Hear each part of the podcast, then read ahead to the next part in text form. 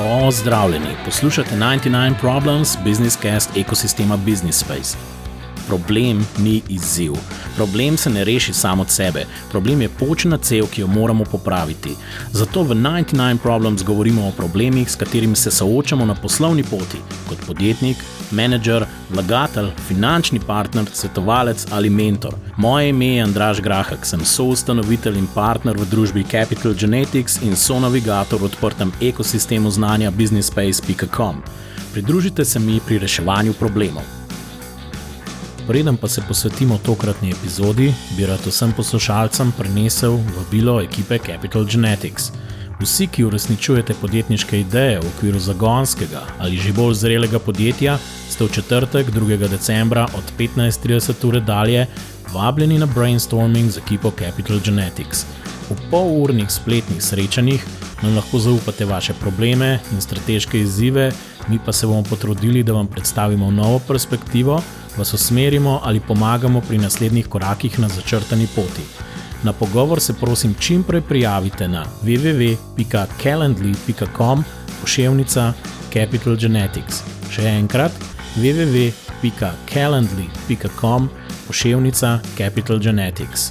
Povezavo najdete tudi na našem LinkedIn profilu in na spletni strani businessspace.com. Število terminov je omejeno, se vidimo k malu. Danes je naš gost Matic Bitens, soustanovitelj in direktor fintech podjetja Tošel, ki razvija isto imensko aplikacijo. Ekipa, ki je svoje poslanstvo začela v Kranju in izkusila življenje v Silicijevi dolini, gradi infrastrukturo prihodnosti, ki avtomatizira zbiranje podatkov o denarnih transakcijah in spreminja uporabniško izkušnjo razumevanja osebnih financ za milijone uporabnikov po celem svetu. Zdravo, Matic. Živo. Evo, uh, živimo v razborljivih časih, ampak preden se jih dotaknemo, bi se mogoče mal vrnila na začetek in sicer se sprašujem, kako je Matic postal podjetnik in se odločil, da bo začel reševati nek problem. Ja, naša zgodba je mogoče nekoliko neobičajna, vsaj od te, recimo, prejšnje start-up zgodbe. Uh, Mi smo začeli v podjetju 3FS, eh, kjer smo delali en kup digitalnih produkt, produktov, od naprednih web appov in mobile appov in tako naprej. Uh, smo bili tudi nekako v iskanju uh, nekih novih projektov, po obenem je sodelovec takrat opremil svoje stanovanje, uh, si probo malo bolj urediti stroške, tudi zaradi tega, in smo potem iskali načine, kako to boljš upravljati. Uh, zdaj, treba je tukaj poudariti, da je bilo to že kar nekaj let nazaj in da so bili to bolj zgodni dnevi um, App Store, Google Play in tako naprej, in pa tudi smartphone na način, kot jih poznamo danes. Uh, tako da so nam takrat zdeli tukaj ena priložnost, plus te ostali api, ki so bili trenutno na tržišču, uh, so se nam zdeli pač ne v redu za naše namene, oziroma se nam je zdelo, da to lahko precej boljš naredimo. In smo šli pač raziskovati, kaj se da narediti. No. Začeli z enim čist preprostim izdelkom, torej MVP, Minimum Viable Product. Šli pogledati, kako lahko naredimo zapisovanje stroškov, malo bolj univerzalno teganje in tako naprej. Naredili najprej, uh, v bistvu so bile samo dva in prototip na, na Androidu. Uh, in potem razvijali zadevo od tam naprej. No, tako nekako se je začel uh, znotraj 3FS-a in potem kasneje kot, kot spin-off.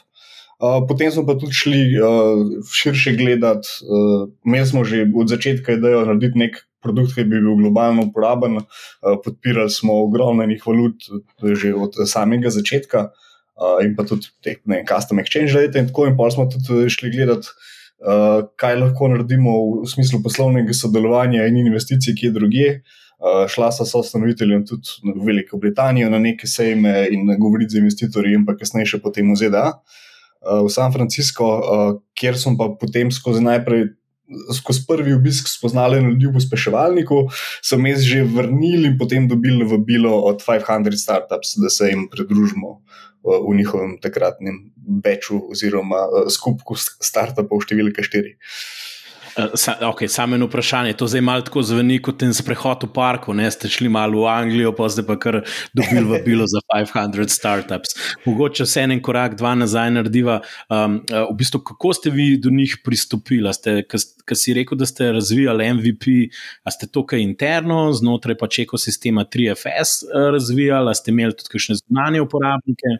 Uh, to je bilo najprej čisto interno znotraj sistema 3FS, 3FS pa smo dali pa na Google Play, začeli tako pogovorilsko malo spamati mobile app blogerje in takrat, takrat je bilo še malo več tega hypa in da jim zdaj reviewati appe in te stvari. Uh, pri teh medijih je bilo malo lažje skozi prideti. Uh, in ja, potem smo nekako dal na trg, videli, da so odzivi dobri, bilo je precej odzivov uporabnikov, že to nekako, da smo dali zadevo ven in da ni bilo samo meh, ampak bi ljudje to dejansko uporabljali in nam dajali feedback.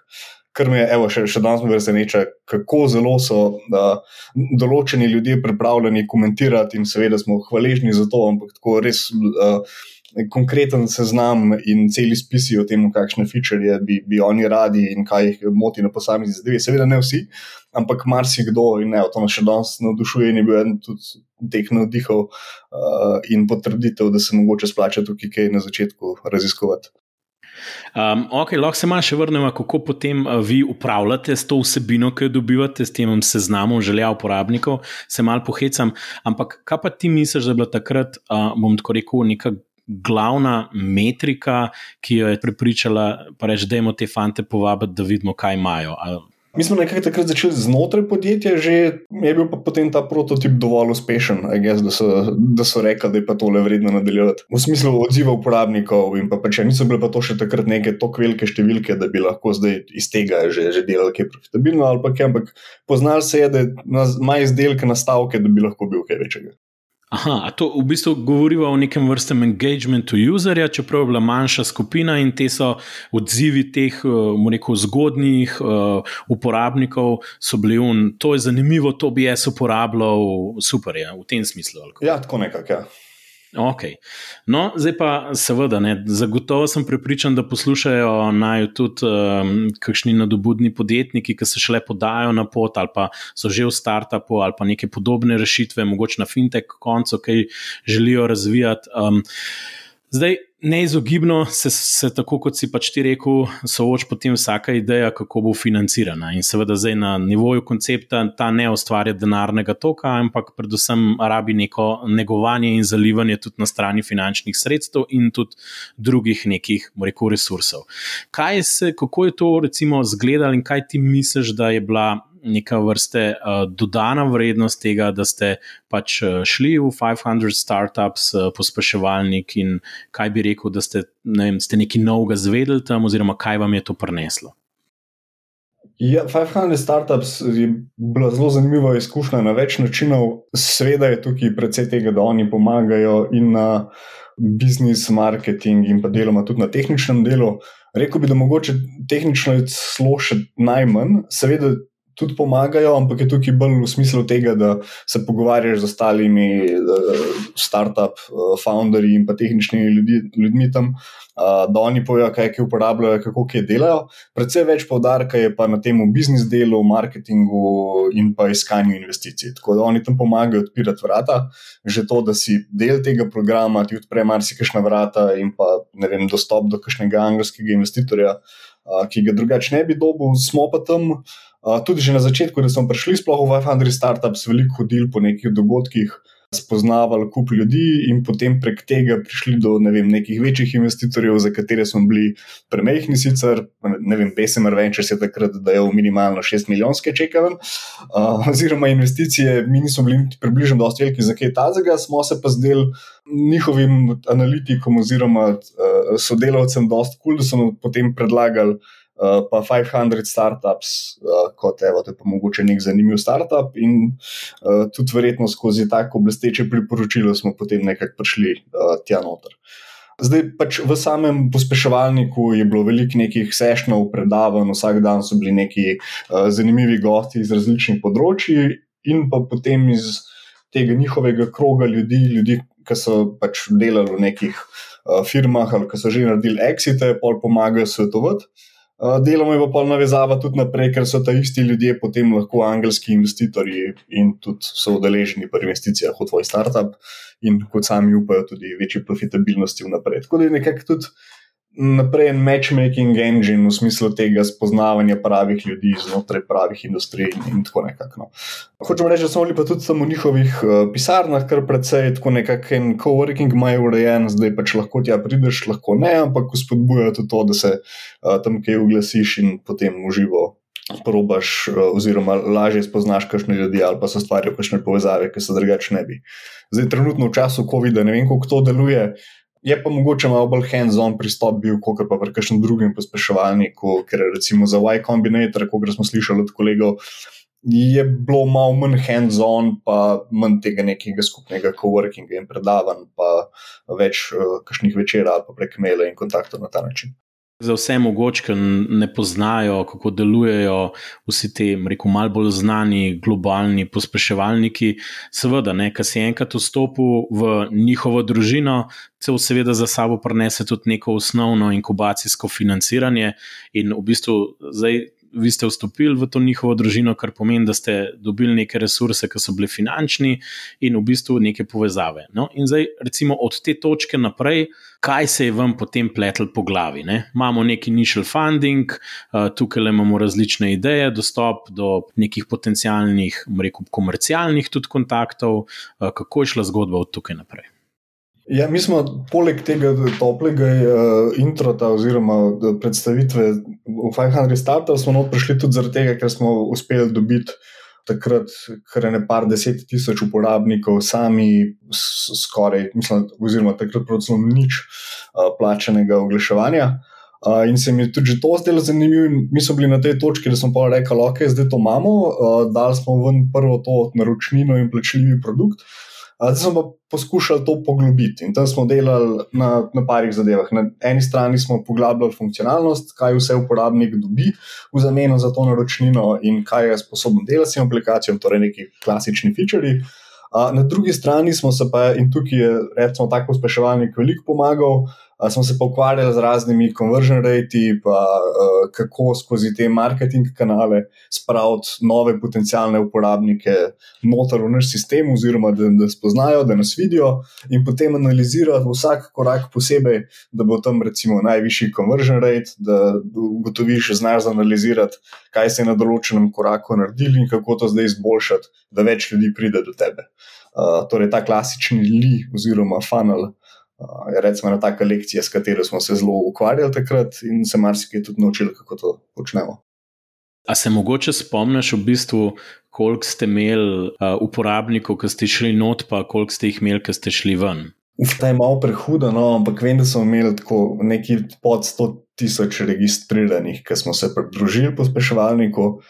Zdaj mi smo bili tam še več kot pol leta, oziroma skoraj eno leto, ampak sam sam pospeševalniški program je pa trajal, mislim, da 4-5 mesecev, kaj takega. Ne vem pa zdaj, koliko je bila una exit cifra, uh, mislim, exit cifra v smislu, koliko uporabnikov smo imeli. Uh, se pa spomnim, no, da smo v tistem obdobju kar dobro dvignili prihodke, ampak tudi zaradi prejšnjega razvoja uh, in tega, da, da smo lahko redo lansirali te plačljive produkte. Dej vam malo še to časovno okolje postaviti, uh, ker ste vi v bistvu zaključili s programom 500 Startups, katerega leta je bilo to, pa kako je takrat svet izgledal, da, da si bomo lažje predstavljali razvoj do danes. Uh, to je bilo 2012, zdaj kako je svet izgledal. Mislim, definitivno je bilo manj sredstev na voljo v Evropi, ne da pač ni bilo investicijskih firm, predvsem pa ni bilo toliko velik, manj je bilo angel investorjev pa zdi se mi, da je do, do neke mere še danes verjetno resnično, ampak vsaj takrat so bili malo bolj konzervativni in malo manj naklonjeni tveganju, kot pa ameriški visiji. No, vsaj tako so se zdeli. Ja, v, ostalem smislu pa pač, ja, kakšen konkurent manj je bil, predvsem manj so bili nasičeni App Store. Manj se je še govorilo tudi o privacyju in teh zadevah. Smo seveda tudi takrat osmatrali za pomembno, ampak v, v smislu komunikacije in tega je danes to predvsej bolj v spredju. Takrat, eh, če gledamo malo finančne trge, bi zelo težko rekel, da ima kdo zelo visok na zemljevidu razne digital assete, digitalne sredstva in premoženje, ki smo mu priča danes. Tukaj se govorim predvsem o Bitcoinu, pa celotnemu vem, temu distributed sistemu, ki se je ustvaril okrog njega. Ne. Kako ste pa takrat gledali mogoče na, na, na ta neko, bom tako rekel, virtual assete? Je bilo to stvar kakšne debate takrat, ali je bilo to čist nekaj, kar je bilo off the grid. Ja, bla, bla. Mislim, da mi smo že sami, že, že kakšno leto prej, tako kupovali in prodajali kriptovalute, ni nam bilo to nekaj novega. Um, se nam je pa zdel in se nam do, do neke mere še danes zdi, da pa ni tako uh, aplikabilno na to dnevno področje osebnih financ, da bi bil čist perfect fit. Pač, uh, Zanimivo je stališče investicij posameznikov, da to treka. Mi pač hočemo res nasloviti uporabnikove osebne finance in da vse skupaj pripeljejo. Uh, zdaj, večina ljudi trenutno še vedno jemlje uh, kripto kot neko investicijo ali kot nek špekulativni inštrument ali store of value, karkoli. Um, ampak takrat je bilo še precej govora o, o tem, da bi bili pa kripto tako za dnevno uporabo in da boš hodil okoli in z bitcoini plačeval uh, random storitve na internetu. Sej ne, da se ne da, ampak zadeva je precej nepraktična v marsikaterem smislu, danes vidimo zaradi transaction costov pri nekaterih uh, valutah ali pa zaradi ogromnega nihanja. Uh, in nekako nismo videli, da bi to rata na tem segmentu, vsaj ne z setupom, kot je takrat bil. Eh, in to se nam še danes zdi, da se nekako obdržali, da so pač uporabe kriptovalute in pa blokčina na splošno marsikje druge, kot se je pa takrat predvidevalo mogoče. Uh, da, da ne bomo izpadli, seveda, nismo tle zdaj kakšni hudi kriptoskeptiki, se pravi, smo se tudi sami ukvarjali s, s tem in že zelo zgodaj uh, dodali te sveže exchange rate za prvih vem, 30 kriptovalut. Ja, danes uh, mislim, da tako malo doka govorim, no, ampak imamo, mislim, da 75 kriptovalut, svežimi exchange rate, vsak trenutek in pa uh, lahko odpiraš financial accounte, budžete in delaš vse, kar lahko tudi z ostalimi valutami znotraj Toshel Finance. Obenem pa tudi podpiramo kakšne, uh, recimo, kriptoprojekte na kolumbijsko-venezuelski meji, uh, kjer probajo na skupnosti begunskih venezuelcev, ki so prebežali svoje države v Kolumbijo zaradi ekonomske situacije, ustvariti alternativno ekonomijo uh, s kriptovalutami, in pa mi smo jim pa dali za ston licence, da lahko to počnejo uh, s tošlom. Tako da se tudi s kakšnim takim kriptom projektom ukvarjamo in kdaj pomagamo. To so realni problemi, res sistemov, kjer je težava že nekaj najbolj osnovnega, ki mi mogoče vse tukaj, ki danes sedimo v Sloveniji, jemljemo za samoumevno. Um, tako, tako da hvala tudi za to. Svet se seveda zelo močno, sploh finančni trgi, pa kako so regulirani, pa predvsem finančne inštitucije, spremenjajo skozi čas. Ne? In v bistvu vprašanje je, kaj, kaj bi ti rekel v tem trenutku, je rekel, nek najpomembnejši katalizator za tošelj, s čim se ukvarjate in uh, kaj mislite, da v bistvu vam bo neke vrste veter, mogoče dalo v jadra, zdaj v tem trenutku, v, v času, ko se zelo veliko pravil spremenja tudi v financah. Ja, mislim, eden od. Osnovnih izzivov pri aplikaciji za osebne finance, že od začetka, je bilo, kako dobiti noter podatke. Začeli smo z uh, ročnim vnašanjem, to bo probil to narediti čim bolj enostavno, hitro in tako naprej. Ampak s, s takim načinom vnašanja lahko prideš samo do določene točke, torej procent uporabnikov, ki se jim to zdi vredno, ki so se pripravljeni navaditi to opisati. Um, seveda smo pa vedno vedeli, da hočemo samodejno uvažati iz podatke iz bank in razno raznih finančnih storitev. Uh, in zdaj smo končno na točki, ko se to masovno, masovno dogaja. Tukaj uh, so neki pripomogli ti agregatorji, ki so vmes najprej nastali v ZDA, pa potem tudi v Evropi, in potem je uh, Evropska unija sprejela tudi zakonodajo, PSD2, torej Payment Services Directive. Kjer je zapovedala bankam, da morajo odpreti API-je za plačilne račune, torej priti mač vse, kar ima vem, IBAN številko ali vaš bančni račun. Če ta institucija finančna lahko pokaže, te eh, podatke v, njihovi online banki, so dolžni nuditi tudi API, torej programsko avtomatsko povezavo, a, s katero se mi lahko povežemo in seveda od, ob odobrenju uporabnika te podatke tudi uvozimo. Zdaj se že kar nekaj let ukvarjamo s tem, da ni vse v rožicah, kot se sliši, idealno na podlagi namenov zakonodaje, Ampak ja, to nam pa predvsej pomaga in daje tudi na, na dolgi rok nek veter v jadra, in obenem se ta tranzicija dogaja po celem svetu. Na evropskem primeru, marsikatera država zdaj sprejema podobno zakonodajo, od ne vem, Brazilije, Indije, uh, tudi v ZDA se počasi premika v, v to smer. Uh, z regulacijo, v glavnem, skoraj povsod vsi večji trgi uh, nekako grejo v to smer open bankinga in, in teh povezljivih apijev. Um, usporedno se s tem dogaja tudi malo teh ta unbundling klasičnih bančnih storitev, imamo več storitev, ki pridejo skupaj in tukaj spet vidimo to priložnost za nas, ker mi se nekako vidimo kot neko metaplast na vrh uporabnikov vseh teh finančnih računov, ki lahko te podatki skupaj pridejo na nek standardiziran način, se pravi, da so ti podatki primerljivi, pomagamo z pretvorbo različnih valut in tako res probamo dati neko celostno sliko. Ne? Ker zdaj, če si predstavljate, da imate vem, en račun na nekem kripto exchangeu, en bančni račun, pa zraven še PayPal, pa mogoče imate vem, eno slovensko banko, pa eno neobanko, ali ne vem, 26 revolut in tako naprej. Potem rata že, že kar malo večji izziv to vse skupaj dobiti, pa tudi če imate eno banko. Je pa mogoče izziv to z budžeti, pač z budžeti nekako kombinirati, oziroma proračuni in tam vse trekati. No, tako da tukaj vidimo eno veliko priložnost v smislu tega, da vam res nudimo oziroma pač vsem uporabnikom urodja, da si uredijo finančno življenje, pa da to naredijo na čisto avtomatski način, da potem, ko prvič nastaviš in po še kakšnem popravku, zadeva deluje avtomatsko in ti pomaga to vse skupaj pelati. No, tako da tukaj se mi zdi, da te silnice, kaj se dogaja na trgu in kaj mi hočemo narediti, končno nekako prihajajo skupaj, če tudi s kakšnim zatikanjem vmes. A mogoče tukaj lahko postrežeš malo z nekim številom uporabnikov, ki jih imate eh, danes, prej zgovoril o zgodnih dneh, pa mogoče mečkam tudi, če, jih, če lahko malo v proporcu usvetliš, koliko je uporabnikov, rečemo, da jim reč v ZDA ali pa ne EU, pa EU, recimo mogoče. Uh, ja, evo, se pravi, zdaj trenutno imamo cirka 3 milijone 200 tisoč registriranih uporabnikov. Uh, s tem mislimo uporabniki, ki so se pač kdaj registrirali z unik e-mailom in imajo tošle račun, in še vedno imajo, ga niso zbrisali. Uh, tako da, evo, takrat, ko sem rekel, da smo prišli v 500 startups, mislim, da je bilo okoli 90 tisoč, ampak bi mogli res preveriti, koliko je bilo.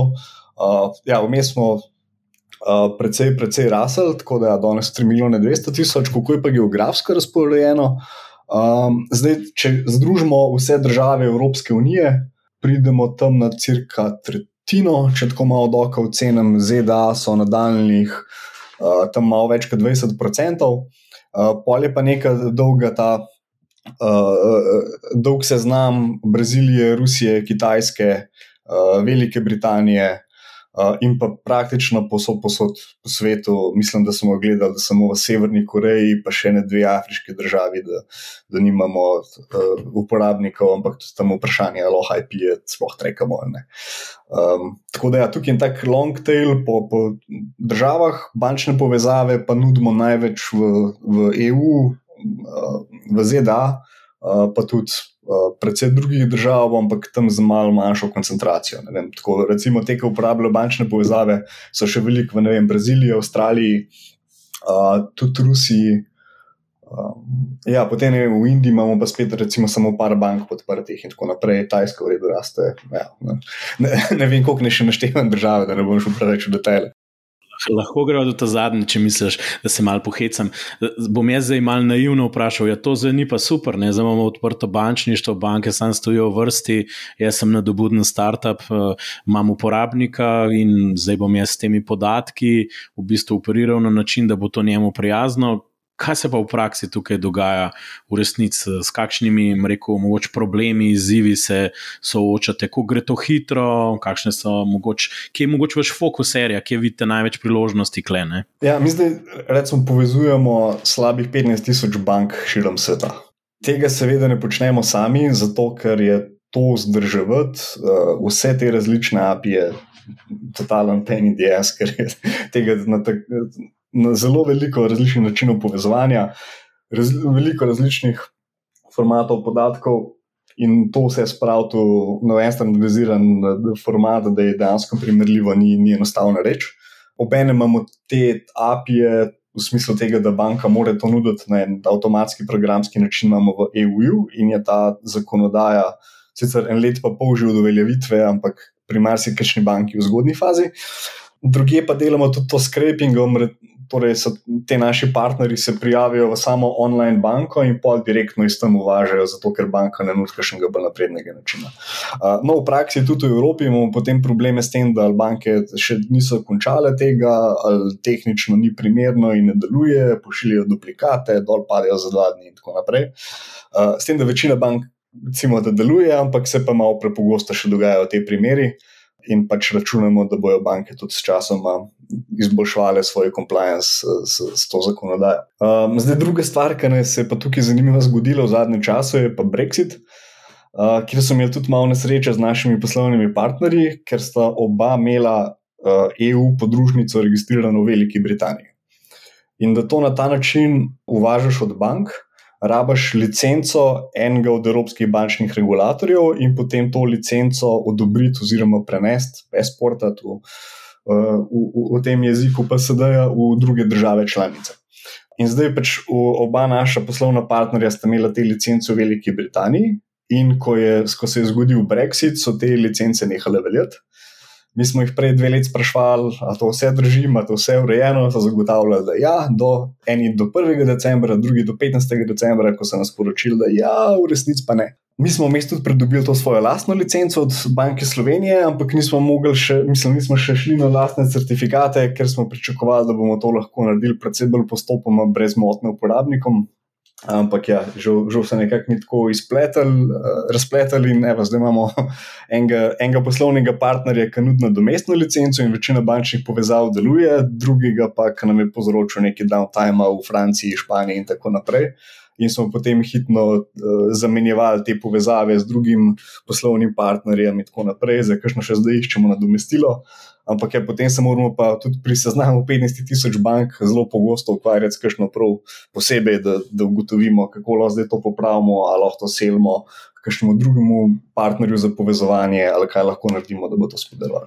Vaš problem je, mislim, da v bistvu ga lahko izpostavlja kot nekaj, kar, s čimer se moraš vedno posveča, trata praktično neka rutina, če prav razumem, ne? kako si kle delo organizirate, kam imate, rekel, nekak, rekel, že nek vektor, ki veste, kaj prihaja, anticipirate in že vnaprej pet potez razmišljate, da je mečkano piš mogoče, kako to upravljate s tem. No? Ker vidimo, da se marsikaj lahko zgodi. Pride Brexit, vse vemo, da bo prišel, a nekdo trdi, da ne bo tako hudo, jutri ga njegov regulator obvesti, ups, veš kaj, bi pa zdaj mogoče mi mal šli v eno presojo, če si fit and proper na tem področju. Ne? In vi, seveda, kot posledično, imate pač lahko tudi zaradi tega probleme.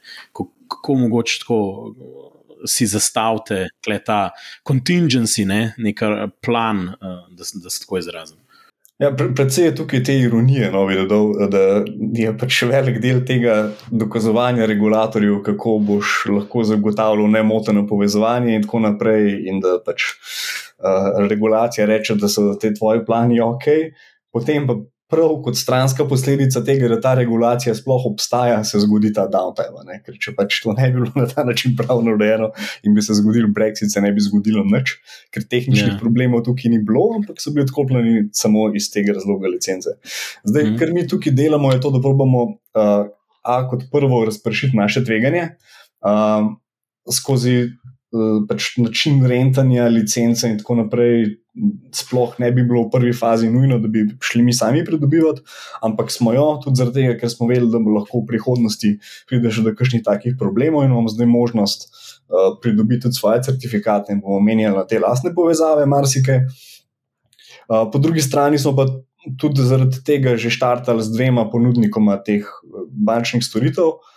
In tudi sami upravljamo s tem, kater ta ponudnik uh, bo uporabljen za povezovanje na kakšno banko. Uh, tako da lahko tukaj malo žongliramo v tem smislu, da če eno ponudniku stvar neha delati, lahko preklopimo na drugega ponudnika in na ta način zagotovimo spet delovanje. Uh, tako da zdaj se imamo tudi z dodatnimi ponudniki, da bomo imeli uh, še tretjega, da bomo imeli še kakšno povezavo podvojeno v Evropi. Uh, in tako da, če ima eden od teh ponudnikov probleme tehnične ali z banko ali z regulacijo, s čim koli, da imamo vedno uh, na voljo alternativo. Po drugi strani se pa tudi znotraj uh, firme organiziramo tako, da nekako handlamo oziroma pač delamo s tem um, recimo, kako bi rekel, presežkom dodatnih nalog, ne kako bi te zdaj overhead tukaj prevedel, yeah. Ja. ki se nam je zgodil zato, ker imamo bančne povezave. Ker mi smo seveda najprej mislili, da to bo zdaj vse bolj smooth. In na nek način je bilo glede uvoza podatkov, na drug način se moramo predvsej bolj ročno ukvarjati s temi zadevami, kot je crkne, tudi ko nismo sami krivi in je kriva bodi si banka, bodi si partner. Tako da je nekaj tudi več podpora zaradi tega, handlamo, mi smo mehna ekipa, tako da kaj tudi zarotiramo in različni handlamo, kaj pa pač se, se nam malo podvajajo naloge in včasih podpor pride še zraven.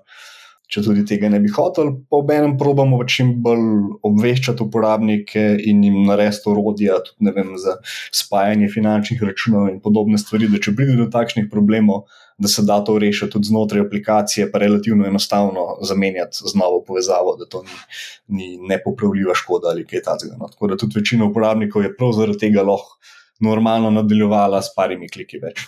No, zdaj, zdaj v bistvu uh, poznamo malo, kaj se dogaja v zakolisju, kako pelete to infrastrukturo, kako jo obvladujete, kako imate kakšno alternativo. Zdaj sem pa jaz, uporabnik, ki seveda v tem svetu, ki vidi zmer več fintech rešitev, jih zmer več uporablja, reče: Ja, super, da vi tole delate, ampak v bistvu, kaj pa če bi mi dal še to dodatno neko možnost, A, B, C. Kaj se v bistvu pa tukaj dogaja pri pričakovanjih vaših uporabnikov? Vi imate v bistvu model, en del je freemium potem imate pa plačljiv, v bistvu, subscription.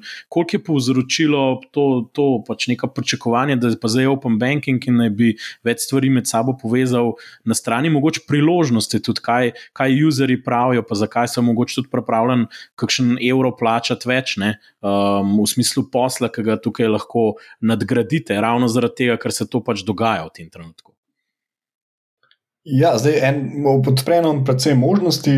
Uh, del tega open bankinga, tudi v prihodnje, ni samo ta del z informacijami o računih, ampak lahko tudi, oziroma pač z našo licenco, trenutno še ne, ampak kasneje bi lahko to, mislim, to delovanje razširili tudi tako, da recimo iz tošla uporabnik zahteva plačilo na nek drug bančni račun in potem to zahteva v tošlu od banke. Se izvede avtorizacija na strani banke, in potem banka izvrši to plačilo.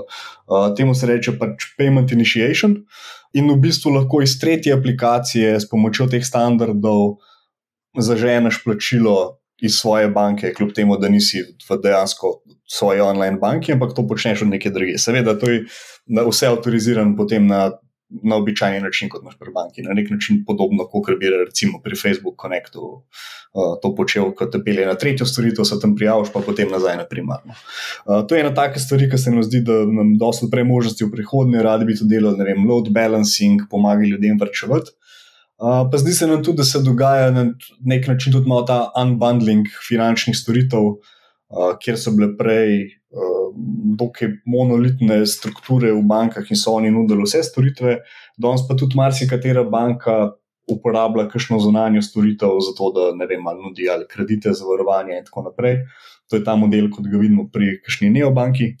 Zdi se nam pa tudi, da pa lahko marsikšni tradicionalni banki mi pomagamo s tem, da njihovim uporabnikom nudimo predvsem močnejša urodja, kot bi jih pa lahko sproducirali sami, in pa tudi pomagamo bankam bolj izobraziti uporabnike in jim pomagati pri boljšem upravljanju. Tako da na nek način smo tukaj metali, na drugi način pa lahko tudi pomagamo posameznim bankam izboljšati njihovo storitev za njihove uporabnike.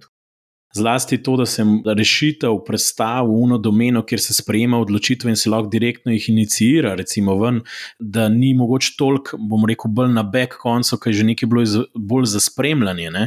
V bistvu ta, to pomeni, da se cel krok sklene.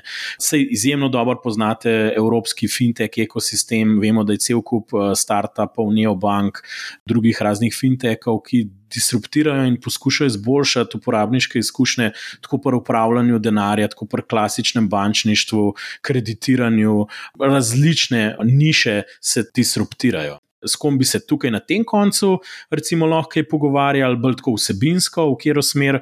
Pa mogoče drugo vprašanje, zelo veliko se zanemarja, da je pa vseeno večino uporabnikov še zmeraj pri klasičnih bankah, kako v bistvu tukaj lahko eno neko harmonično sodelovanje ali pa poslovno sodelovanje se pa mogoče razvija s kakšno malce bolj agilno. Uh, bančno skupino v Evropi. Pa, kako mogoče ti dva evo, uh, segmenta vidiš? Za sami smo mi nekako pripravljeni.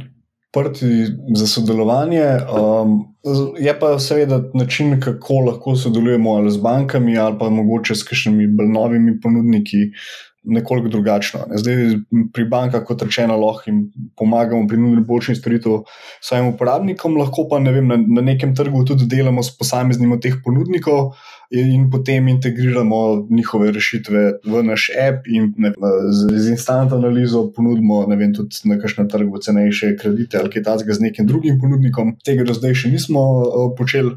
Je pa mogoče zanimivo, ko pa ne vem, na kakšnem večjem trgu še, še nekoliko poglobimo uporabniško bazo. Ne. Zato, ki zmeraj malo gledamo na to, kje je zdaj ta posamezen ponudnik, tudi kaj nud, uh, in pa koliko je to za nas velika priložnost, glede na to, kje, imamo uporabnike, pa, kje, pa s kakšnimi nameni pridejo in tako naprej. Um, recimo, je tudi tako zanimivo področje, ki pa mogoče ni to klasično startup zadeva v smislu dejanja, ne vem, uh, fintech, uh, startupi, ki dajo posojila ali pa zavarovanje in kaj podobnega. Pa vidimo tudi sodelovanje s finančnimi svetovalci, ki pa mogoče tudi v Sloveniji še. Uh, Nekoliko nerazvit trg, oziroma ni še tako mainstream, kot je pa ne vem, v ZDA ali pa Izraelu in kje druge. Uh, in nam tudi sami prihajajo finančni svetovalci, ki uporabljajo tošelj uh, za svetovanje njihovim klientom, in imamo plane tukaj z njimi delati neke revenue share zadeve, ker bi oni pripeljali stranke in mi bi jim nudili tudi urodja, da lažje pomagajo svojim strankam, pa jim pomagajo zanalizirati njihove finance. Uh, in, pa, vem, in tukaj na ta način delamo neko in skupno promocijo, in, in skupni izdelek.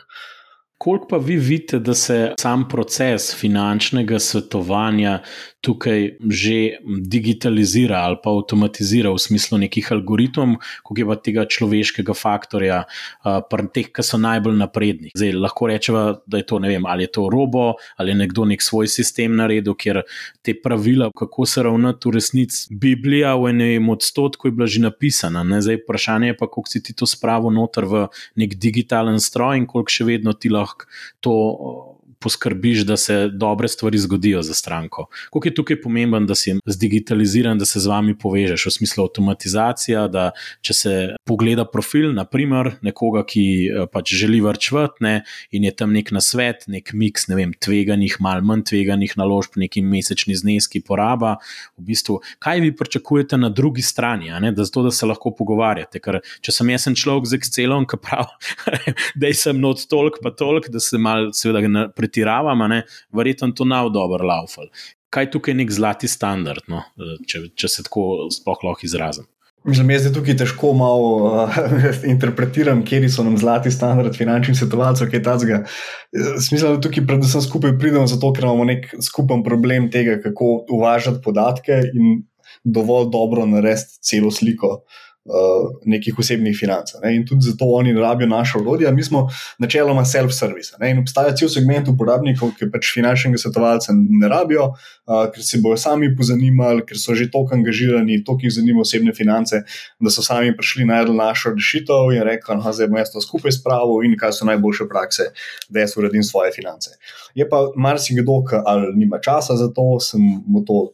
Eh, ne da, noče se ukvarjati s tem, karkoli že. Uh, in ga te svetovalci malo lepše za roko peljejo, pomagajo zanalizirati te zadeve in pa se znanijo z najboljšimi praksami, od vem, vodenja svojega osebnega proračuna do tega, koliko je zdravo, da imaš procentov mesečnega dohodka plača za najemnino, in do tega, kam zdaj investirati, da bo kaj raslo v prihodnje, da boš imel tudi kakšen investicijski asset in da bo ta zadeva rasla naprej. In tukaj se pa zdi, da, pa, da imajo pa finančni svetovalci predvsej lahko veliko vlogo tudi s to osebno noto in s tem razlaganjem, ki pa mogoče kdo, ki ima pa rajš pa te self-service stvari, pa tega sploh ne bi hotel, oziroma bi mu šlo to na živce. No. Tukaj, tukaj vidim eno komplementarnost.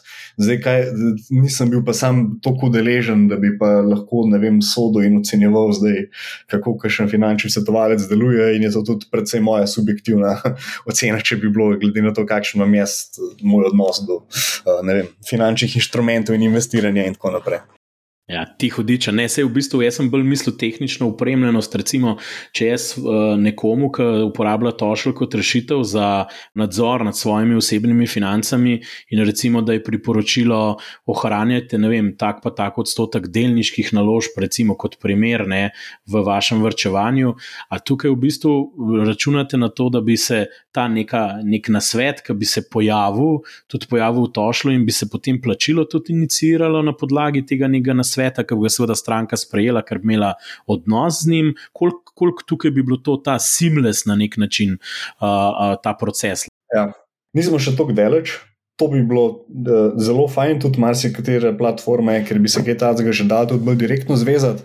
Ampak v prvi fazi smo, predvsem s finančnimi svetovalci, pogovarjali o tem, da, da bomo naredili pač nek revenue share in način, kako lahko uporabnik reče vem, finančnemu svetovalcu ali pa nekemu drugemu uporabniku, ki hoče, evo, vi imate pa s svojim drugim uporabniškim računom dostop do teh stvari, ki bom jaz na kliku, da jih lahko vidite.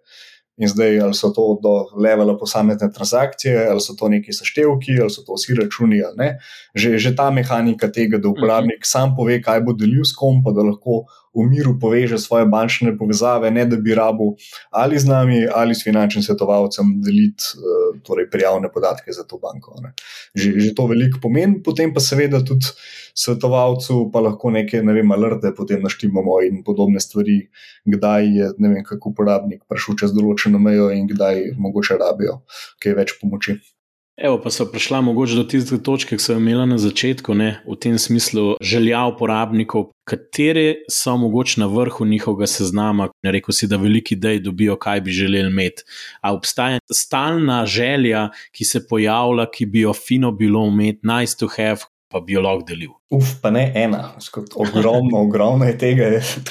Tudi vodimo in ta uh, giant spreadsheet, kjer vsakič, ko na podporu pride nekdo z novo željo uh, nekega featurea, neke zmogljivosti aplikacije, pa probujemo malo pogrupirati, pa trekati, koliko glasov je kaj za posamezno zadevo. Tega nimamo javno, ker včasih smo imeli public forum in pol se vse to nagnete, pa eni useri so tako navdušeni, da pridejo večkrat pol glasovati za isto stvar in tukaj imamo vsaj malo sami nadzora na tem, da so to res unique kvoti. Uh, ampak, evo, recimo, ena od teh stvari, s katerimi se trenutno ukvarjamo, so boljši izvozi podatkov. Delamo res, res nice PDF-je, ki se bodo tudi lepo printani, avtomatska poročila, ki bodo na e-maile hodila. Na ta način bomo pomagali uporabnikom, in da avtomatsko trekajo, pa da so še vedno redno polnjeni, ne da bi rabili sami hoditi noter v app, pa pregledati in analizirati. In poslati tako vsak mesec ali vsak teden eno analizo, kaj se je dogajalo pa na drugi strani tudi za poročanje raznim finančnim svetovalcem, računovodjem ali pa konec koncev, vem, članom istega gospodinstva, s katerimi deliš stroške. Tukaj delamo eh, ene precej izboljšane uh, take eksporte, ki bodo pomagali pri tem. No, evo, to je bila ena od najbolj željenih uh, odlik oziroma bodočih funkcij uh, tošla. Potem druga stvar, ki bi jo radi delali, pa ima veliko glasov, so neki vrčevalni cilji. Pa kar se že skozi ukvarjamo tako v zadnjem letu, je pa to, da bi pa še bolj lahko analizirali pretekle stroške, pa na podlagi tega projicirali ponavljanje teh stroškov v prihodnje. Tako da tudi, če imaš bančno povezavo, kjer mi dobimo šele stroške do danes, bomo mi lahko na podlagi te samodejne analize projicirali te vaše stroške in prihodke v prihodnost. Da bo lažje planirati za naprej, in da tega ne bo treba, ki ročno popravljati, vnašati, in tako naprej. Eh, je pa to kar precejšen izziv tudi stališča uh, algoritmov in to početi dovolj zanesljivo, tako da tak razvoj mogoče traja še mesec, da, uh, kot bi običajno zaradi mnogega testiranja, beta faze in tako naprej. Evo, pa ne vem, še boljši mass editing, envelope budgeting, boljše handling refundov, uh, tako no, ogromno, ogromno stvari, ki bi radi naredili. To je zdaj impresiven seznam, ne, kaj vse, seveda, pa verjetno je zatem še bistveno daljši, ne, ker pač nima časa iti čez cel seznam. Kakšno je pa tukaj mogoče razmišljanje o kakšnih partnerstvih z nekom, ki bi tukaj mu že neko znanje, pa vam pomagal to razvijati? Pa, uh, kako tukaj razmišljate? Ne, ker uh, res ta interoperabilnost, pa želja po izvozu, premikanju podatkov, tudi na strani uporabnikov se povečuje. Ne, tako da uh, mogoče nekaj na to temo, če nekdo posluša, kaj reko, to je zanimivo, bi pa s tošlom mogoče se še pogovarjati, kako lahko sodelujemo. Uh, rekel, kje so mogoče področja, kjer vi vidite, da lahko, lahko nekdo nekaj doda, mogoče, uh, ker niste sami to raziskali, ali pa mislite, da je kakšna, vem, siva lisa, mogoče, ali pa nekaj, kjer bi bilo fino malo mišice ukrepiti na tem področju, vem, kakšen namik, no, v bistvu. Mislim, na splošno smo odprti za sodelovanje, uh, je pa res, da pa pač vsako stvar bolj presojamo, ta naš fokus in to, kar zdaj delamo in kar nujno rabimo, plus vrsta ste in good to have zadeve. Kur si že rekel, ta seznam že naših lastnih featurev je full uh, dolg, pol pa še z zunanjimi sodelovanji, ki pa kakšna tangental stvar je pa včasih malo mal izjiv do to. Uh, samo pa evo, odprti za sodelovanje in pa ne vem, ena stvar, ki me trenutno uh, boli in ki bi jo rad rešil, pa je malo težko to notranje narediti in še temu posvečati resurse, recimo. Uh, Obukatiti transakcije z logoti, in zdaj ne vem, avtomatsko iz vsebine transakcij in z machine learningom razbrati, kaj se, mislim, kje je bila ta stvar kupljena, in potem na podlagi tega zraven propopati logo te transakcije. Ne vem, bodi si Eh, ne vem, kavarne, trgovine ali česar koli, zato da zadeva malo bolj privlačno zgleda. In seveda to se da, ampak je še ena tako velika stvar, ki je, vem, pač bi bilo fajn imeti neko zunanjo storitev, ki je dost velika in uh, držimo pesti tudi približno globalno na voljo ali kaj tasga. V bistvu rabite obraz transakcij, da, da, da uporabnik takoj vidi, od kje je bilo, kaj počel, poveže to s tem na nek način. Ne? Uh, pa hkrati, ja, in s tem tudi nek kanal se naredi, ker v bistvu v končni fazi tudi ti brendi dobivajo neko veljavo na drugi strani, mm. pri uporabniku. No, slište, evo, Matic ima problem, ki ga hoče rešiti, mogoče mu ga vi lahko rešite. To je namen tega podcasta. Tako da odlično. Mogoče za končen pogled v prihodnost, kar nekaj v bistvu problemov smo našteli, kako se jih vi lotevate, kaj bi želeli uporabniki, in to seveda pomeni tudi ogromno resursov. Zdaj, do zdaj ste prišli do te točke praktično z edinim financiranjem, ki ste ga takrat v bistvu zbrali. To, kot jaz poslušam, v bistvu vaš seznam stvari, ki uh, vidite, da bi dodale vrednost uporabnikov, vem, je vsak dan daljši, ne krajši, imam občutek. Ja. Uh, kako pa tukaj vidite? Razvijate svojo ekipo, koliko mislite, da boste mogli tukaj se ukrepiti, lahko rastete organsko, razmišljate tudi o tem, da bi kakšen kapitalski trg, kakšne investitorje nagovorili, ne na zadnje se kar neki priložnosti odpira tukaj na, na, na tem področju, kjer ste aktivni. Ja, do zdaj smo nekako po pornici ZDA, smo v, v, v glavnem dokaj organsko rastli in uh, nismo vem, iskali kakšnih večjih investicij. Nekako pa prihajamo spet na, to, na, na ta del, kjer pa vidimo, da bomo rabili več firepowerja, uh, z lepo slovensko besedo. Uh, nekako ja, več moči in bi radi tudi širili ekipo v prihodnje, da, da lahko več teh smelih planov tudi uresničimo. In, in ja, zato se tudi nekako malo pripravljamo na to, da bi šli iskati neko povezovanje, neke investicije tudi naprej, da lahko jo še malo, še malo močneje zagrabimo to zadevo in pa rastemo tako hitro, kot, kot mislimo, da, da bi bilo treba, in, in nekako bi bilo tudi prav. Odlično. Matic, mislim, da je to primeren trenutek, da se ti zahvalim, da si delil vse probleme, ki ste jih rešili, probleme, ki jih rešujete, probleme, ki bi bilo fino mogoče, da jih kdo drug reši, da ne rešuješ vse probleme sam. Tako da hvala, ker si bil gost v našem podkastu. Vsi tudi. Uh, Povabljeni, da se javite Maticu ali pa meni, saj bo kontakti so na spletnih straneh, pa vas bomo povezali. Tako da hvala še enkrat, pa uh, uspešno še naprej. Hvala tebi za vabilo in pogovor. In pa, se, slišmo, upam, upam, da, da tudi kakšno poslušalce še kaj pošle. Tako, prišli smo do konca epizode 99 Problems. Če vam je bila epizoda všeč, jo delite, povejte za njo svojim prijateljem, znancem, poslovnim kontaktom. Poslušate nas lahko na vseh uveljavljenih podcast platformah, sledite nam lahko na spletni strani businessspace.com, lahko nam tudi pišete na e-mail naslov infoafna.businessspace.com. Poslušajte 99 Problems, saj se problemi ne rešijo sami od sebe.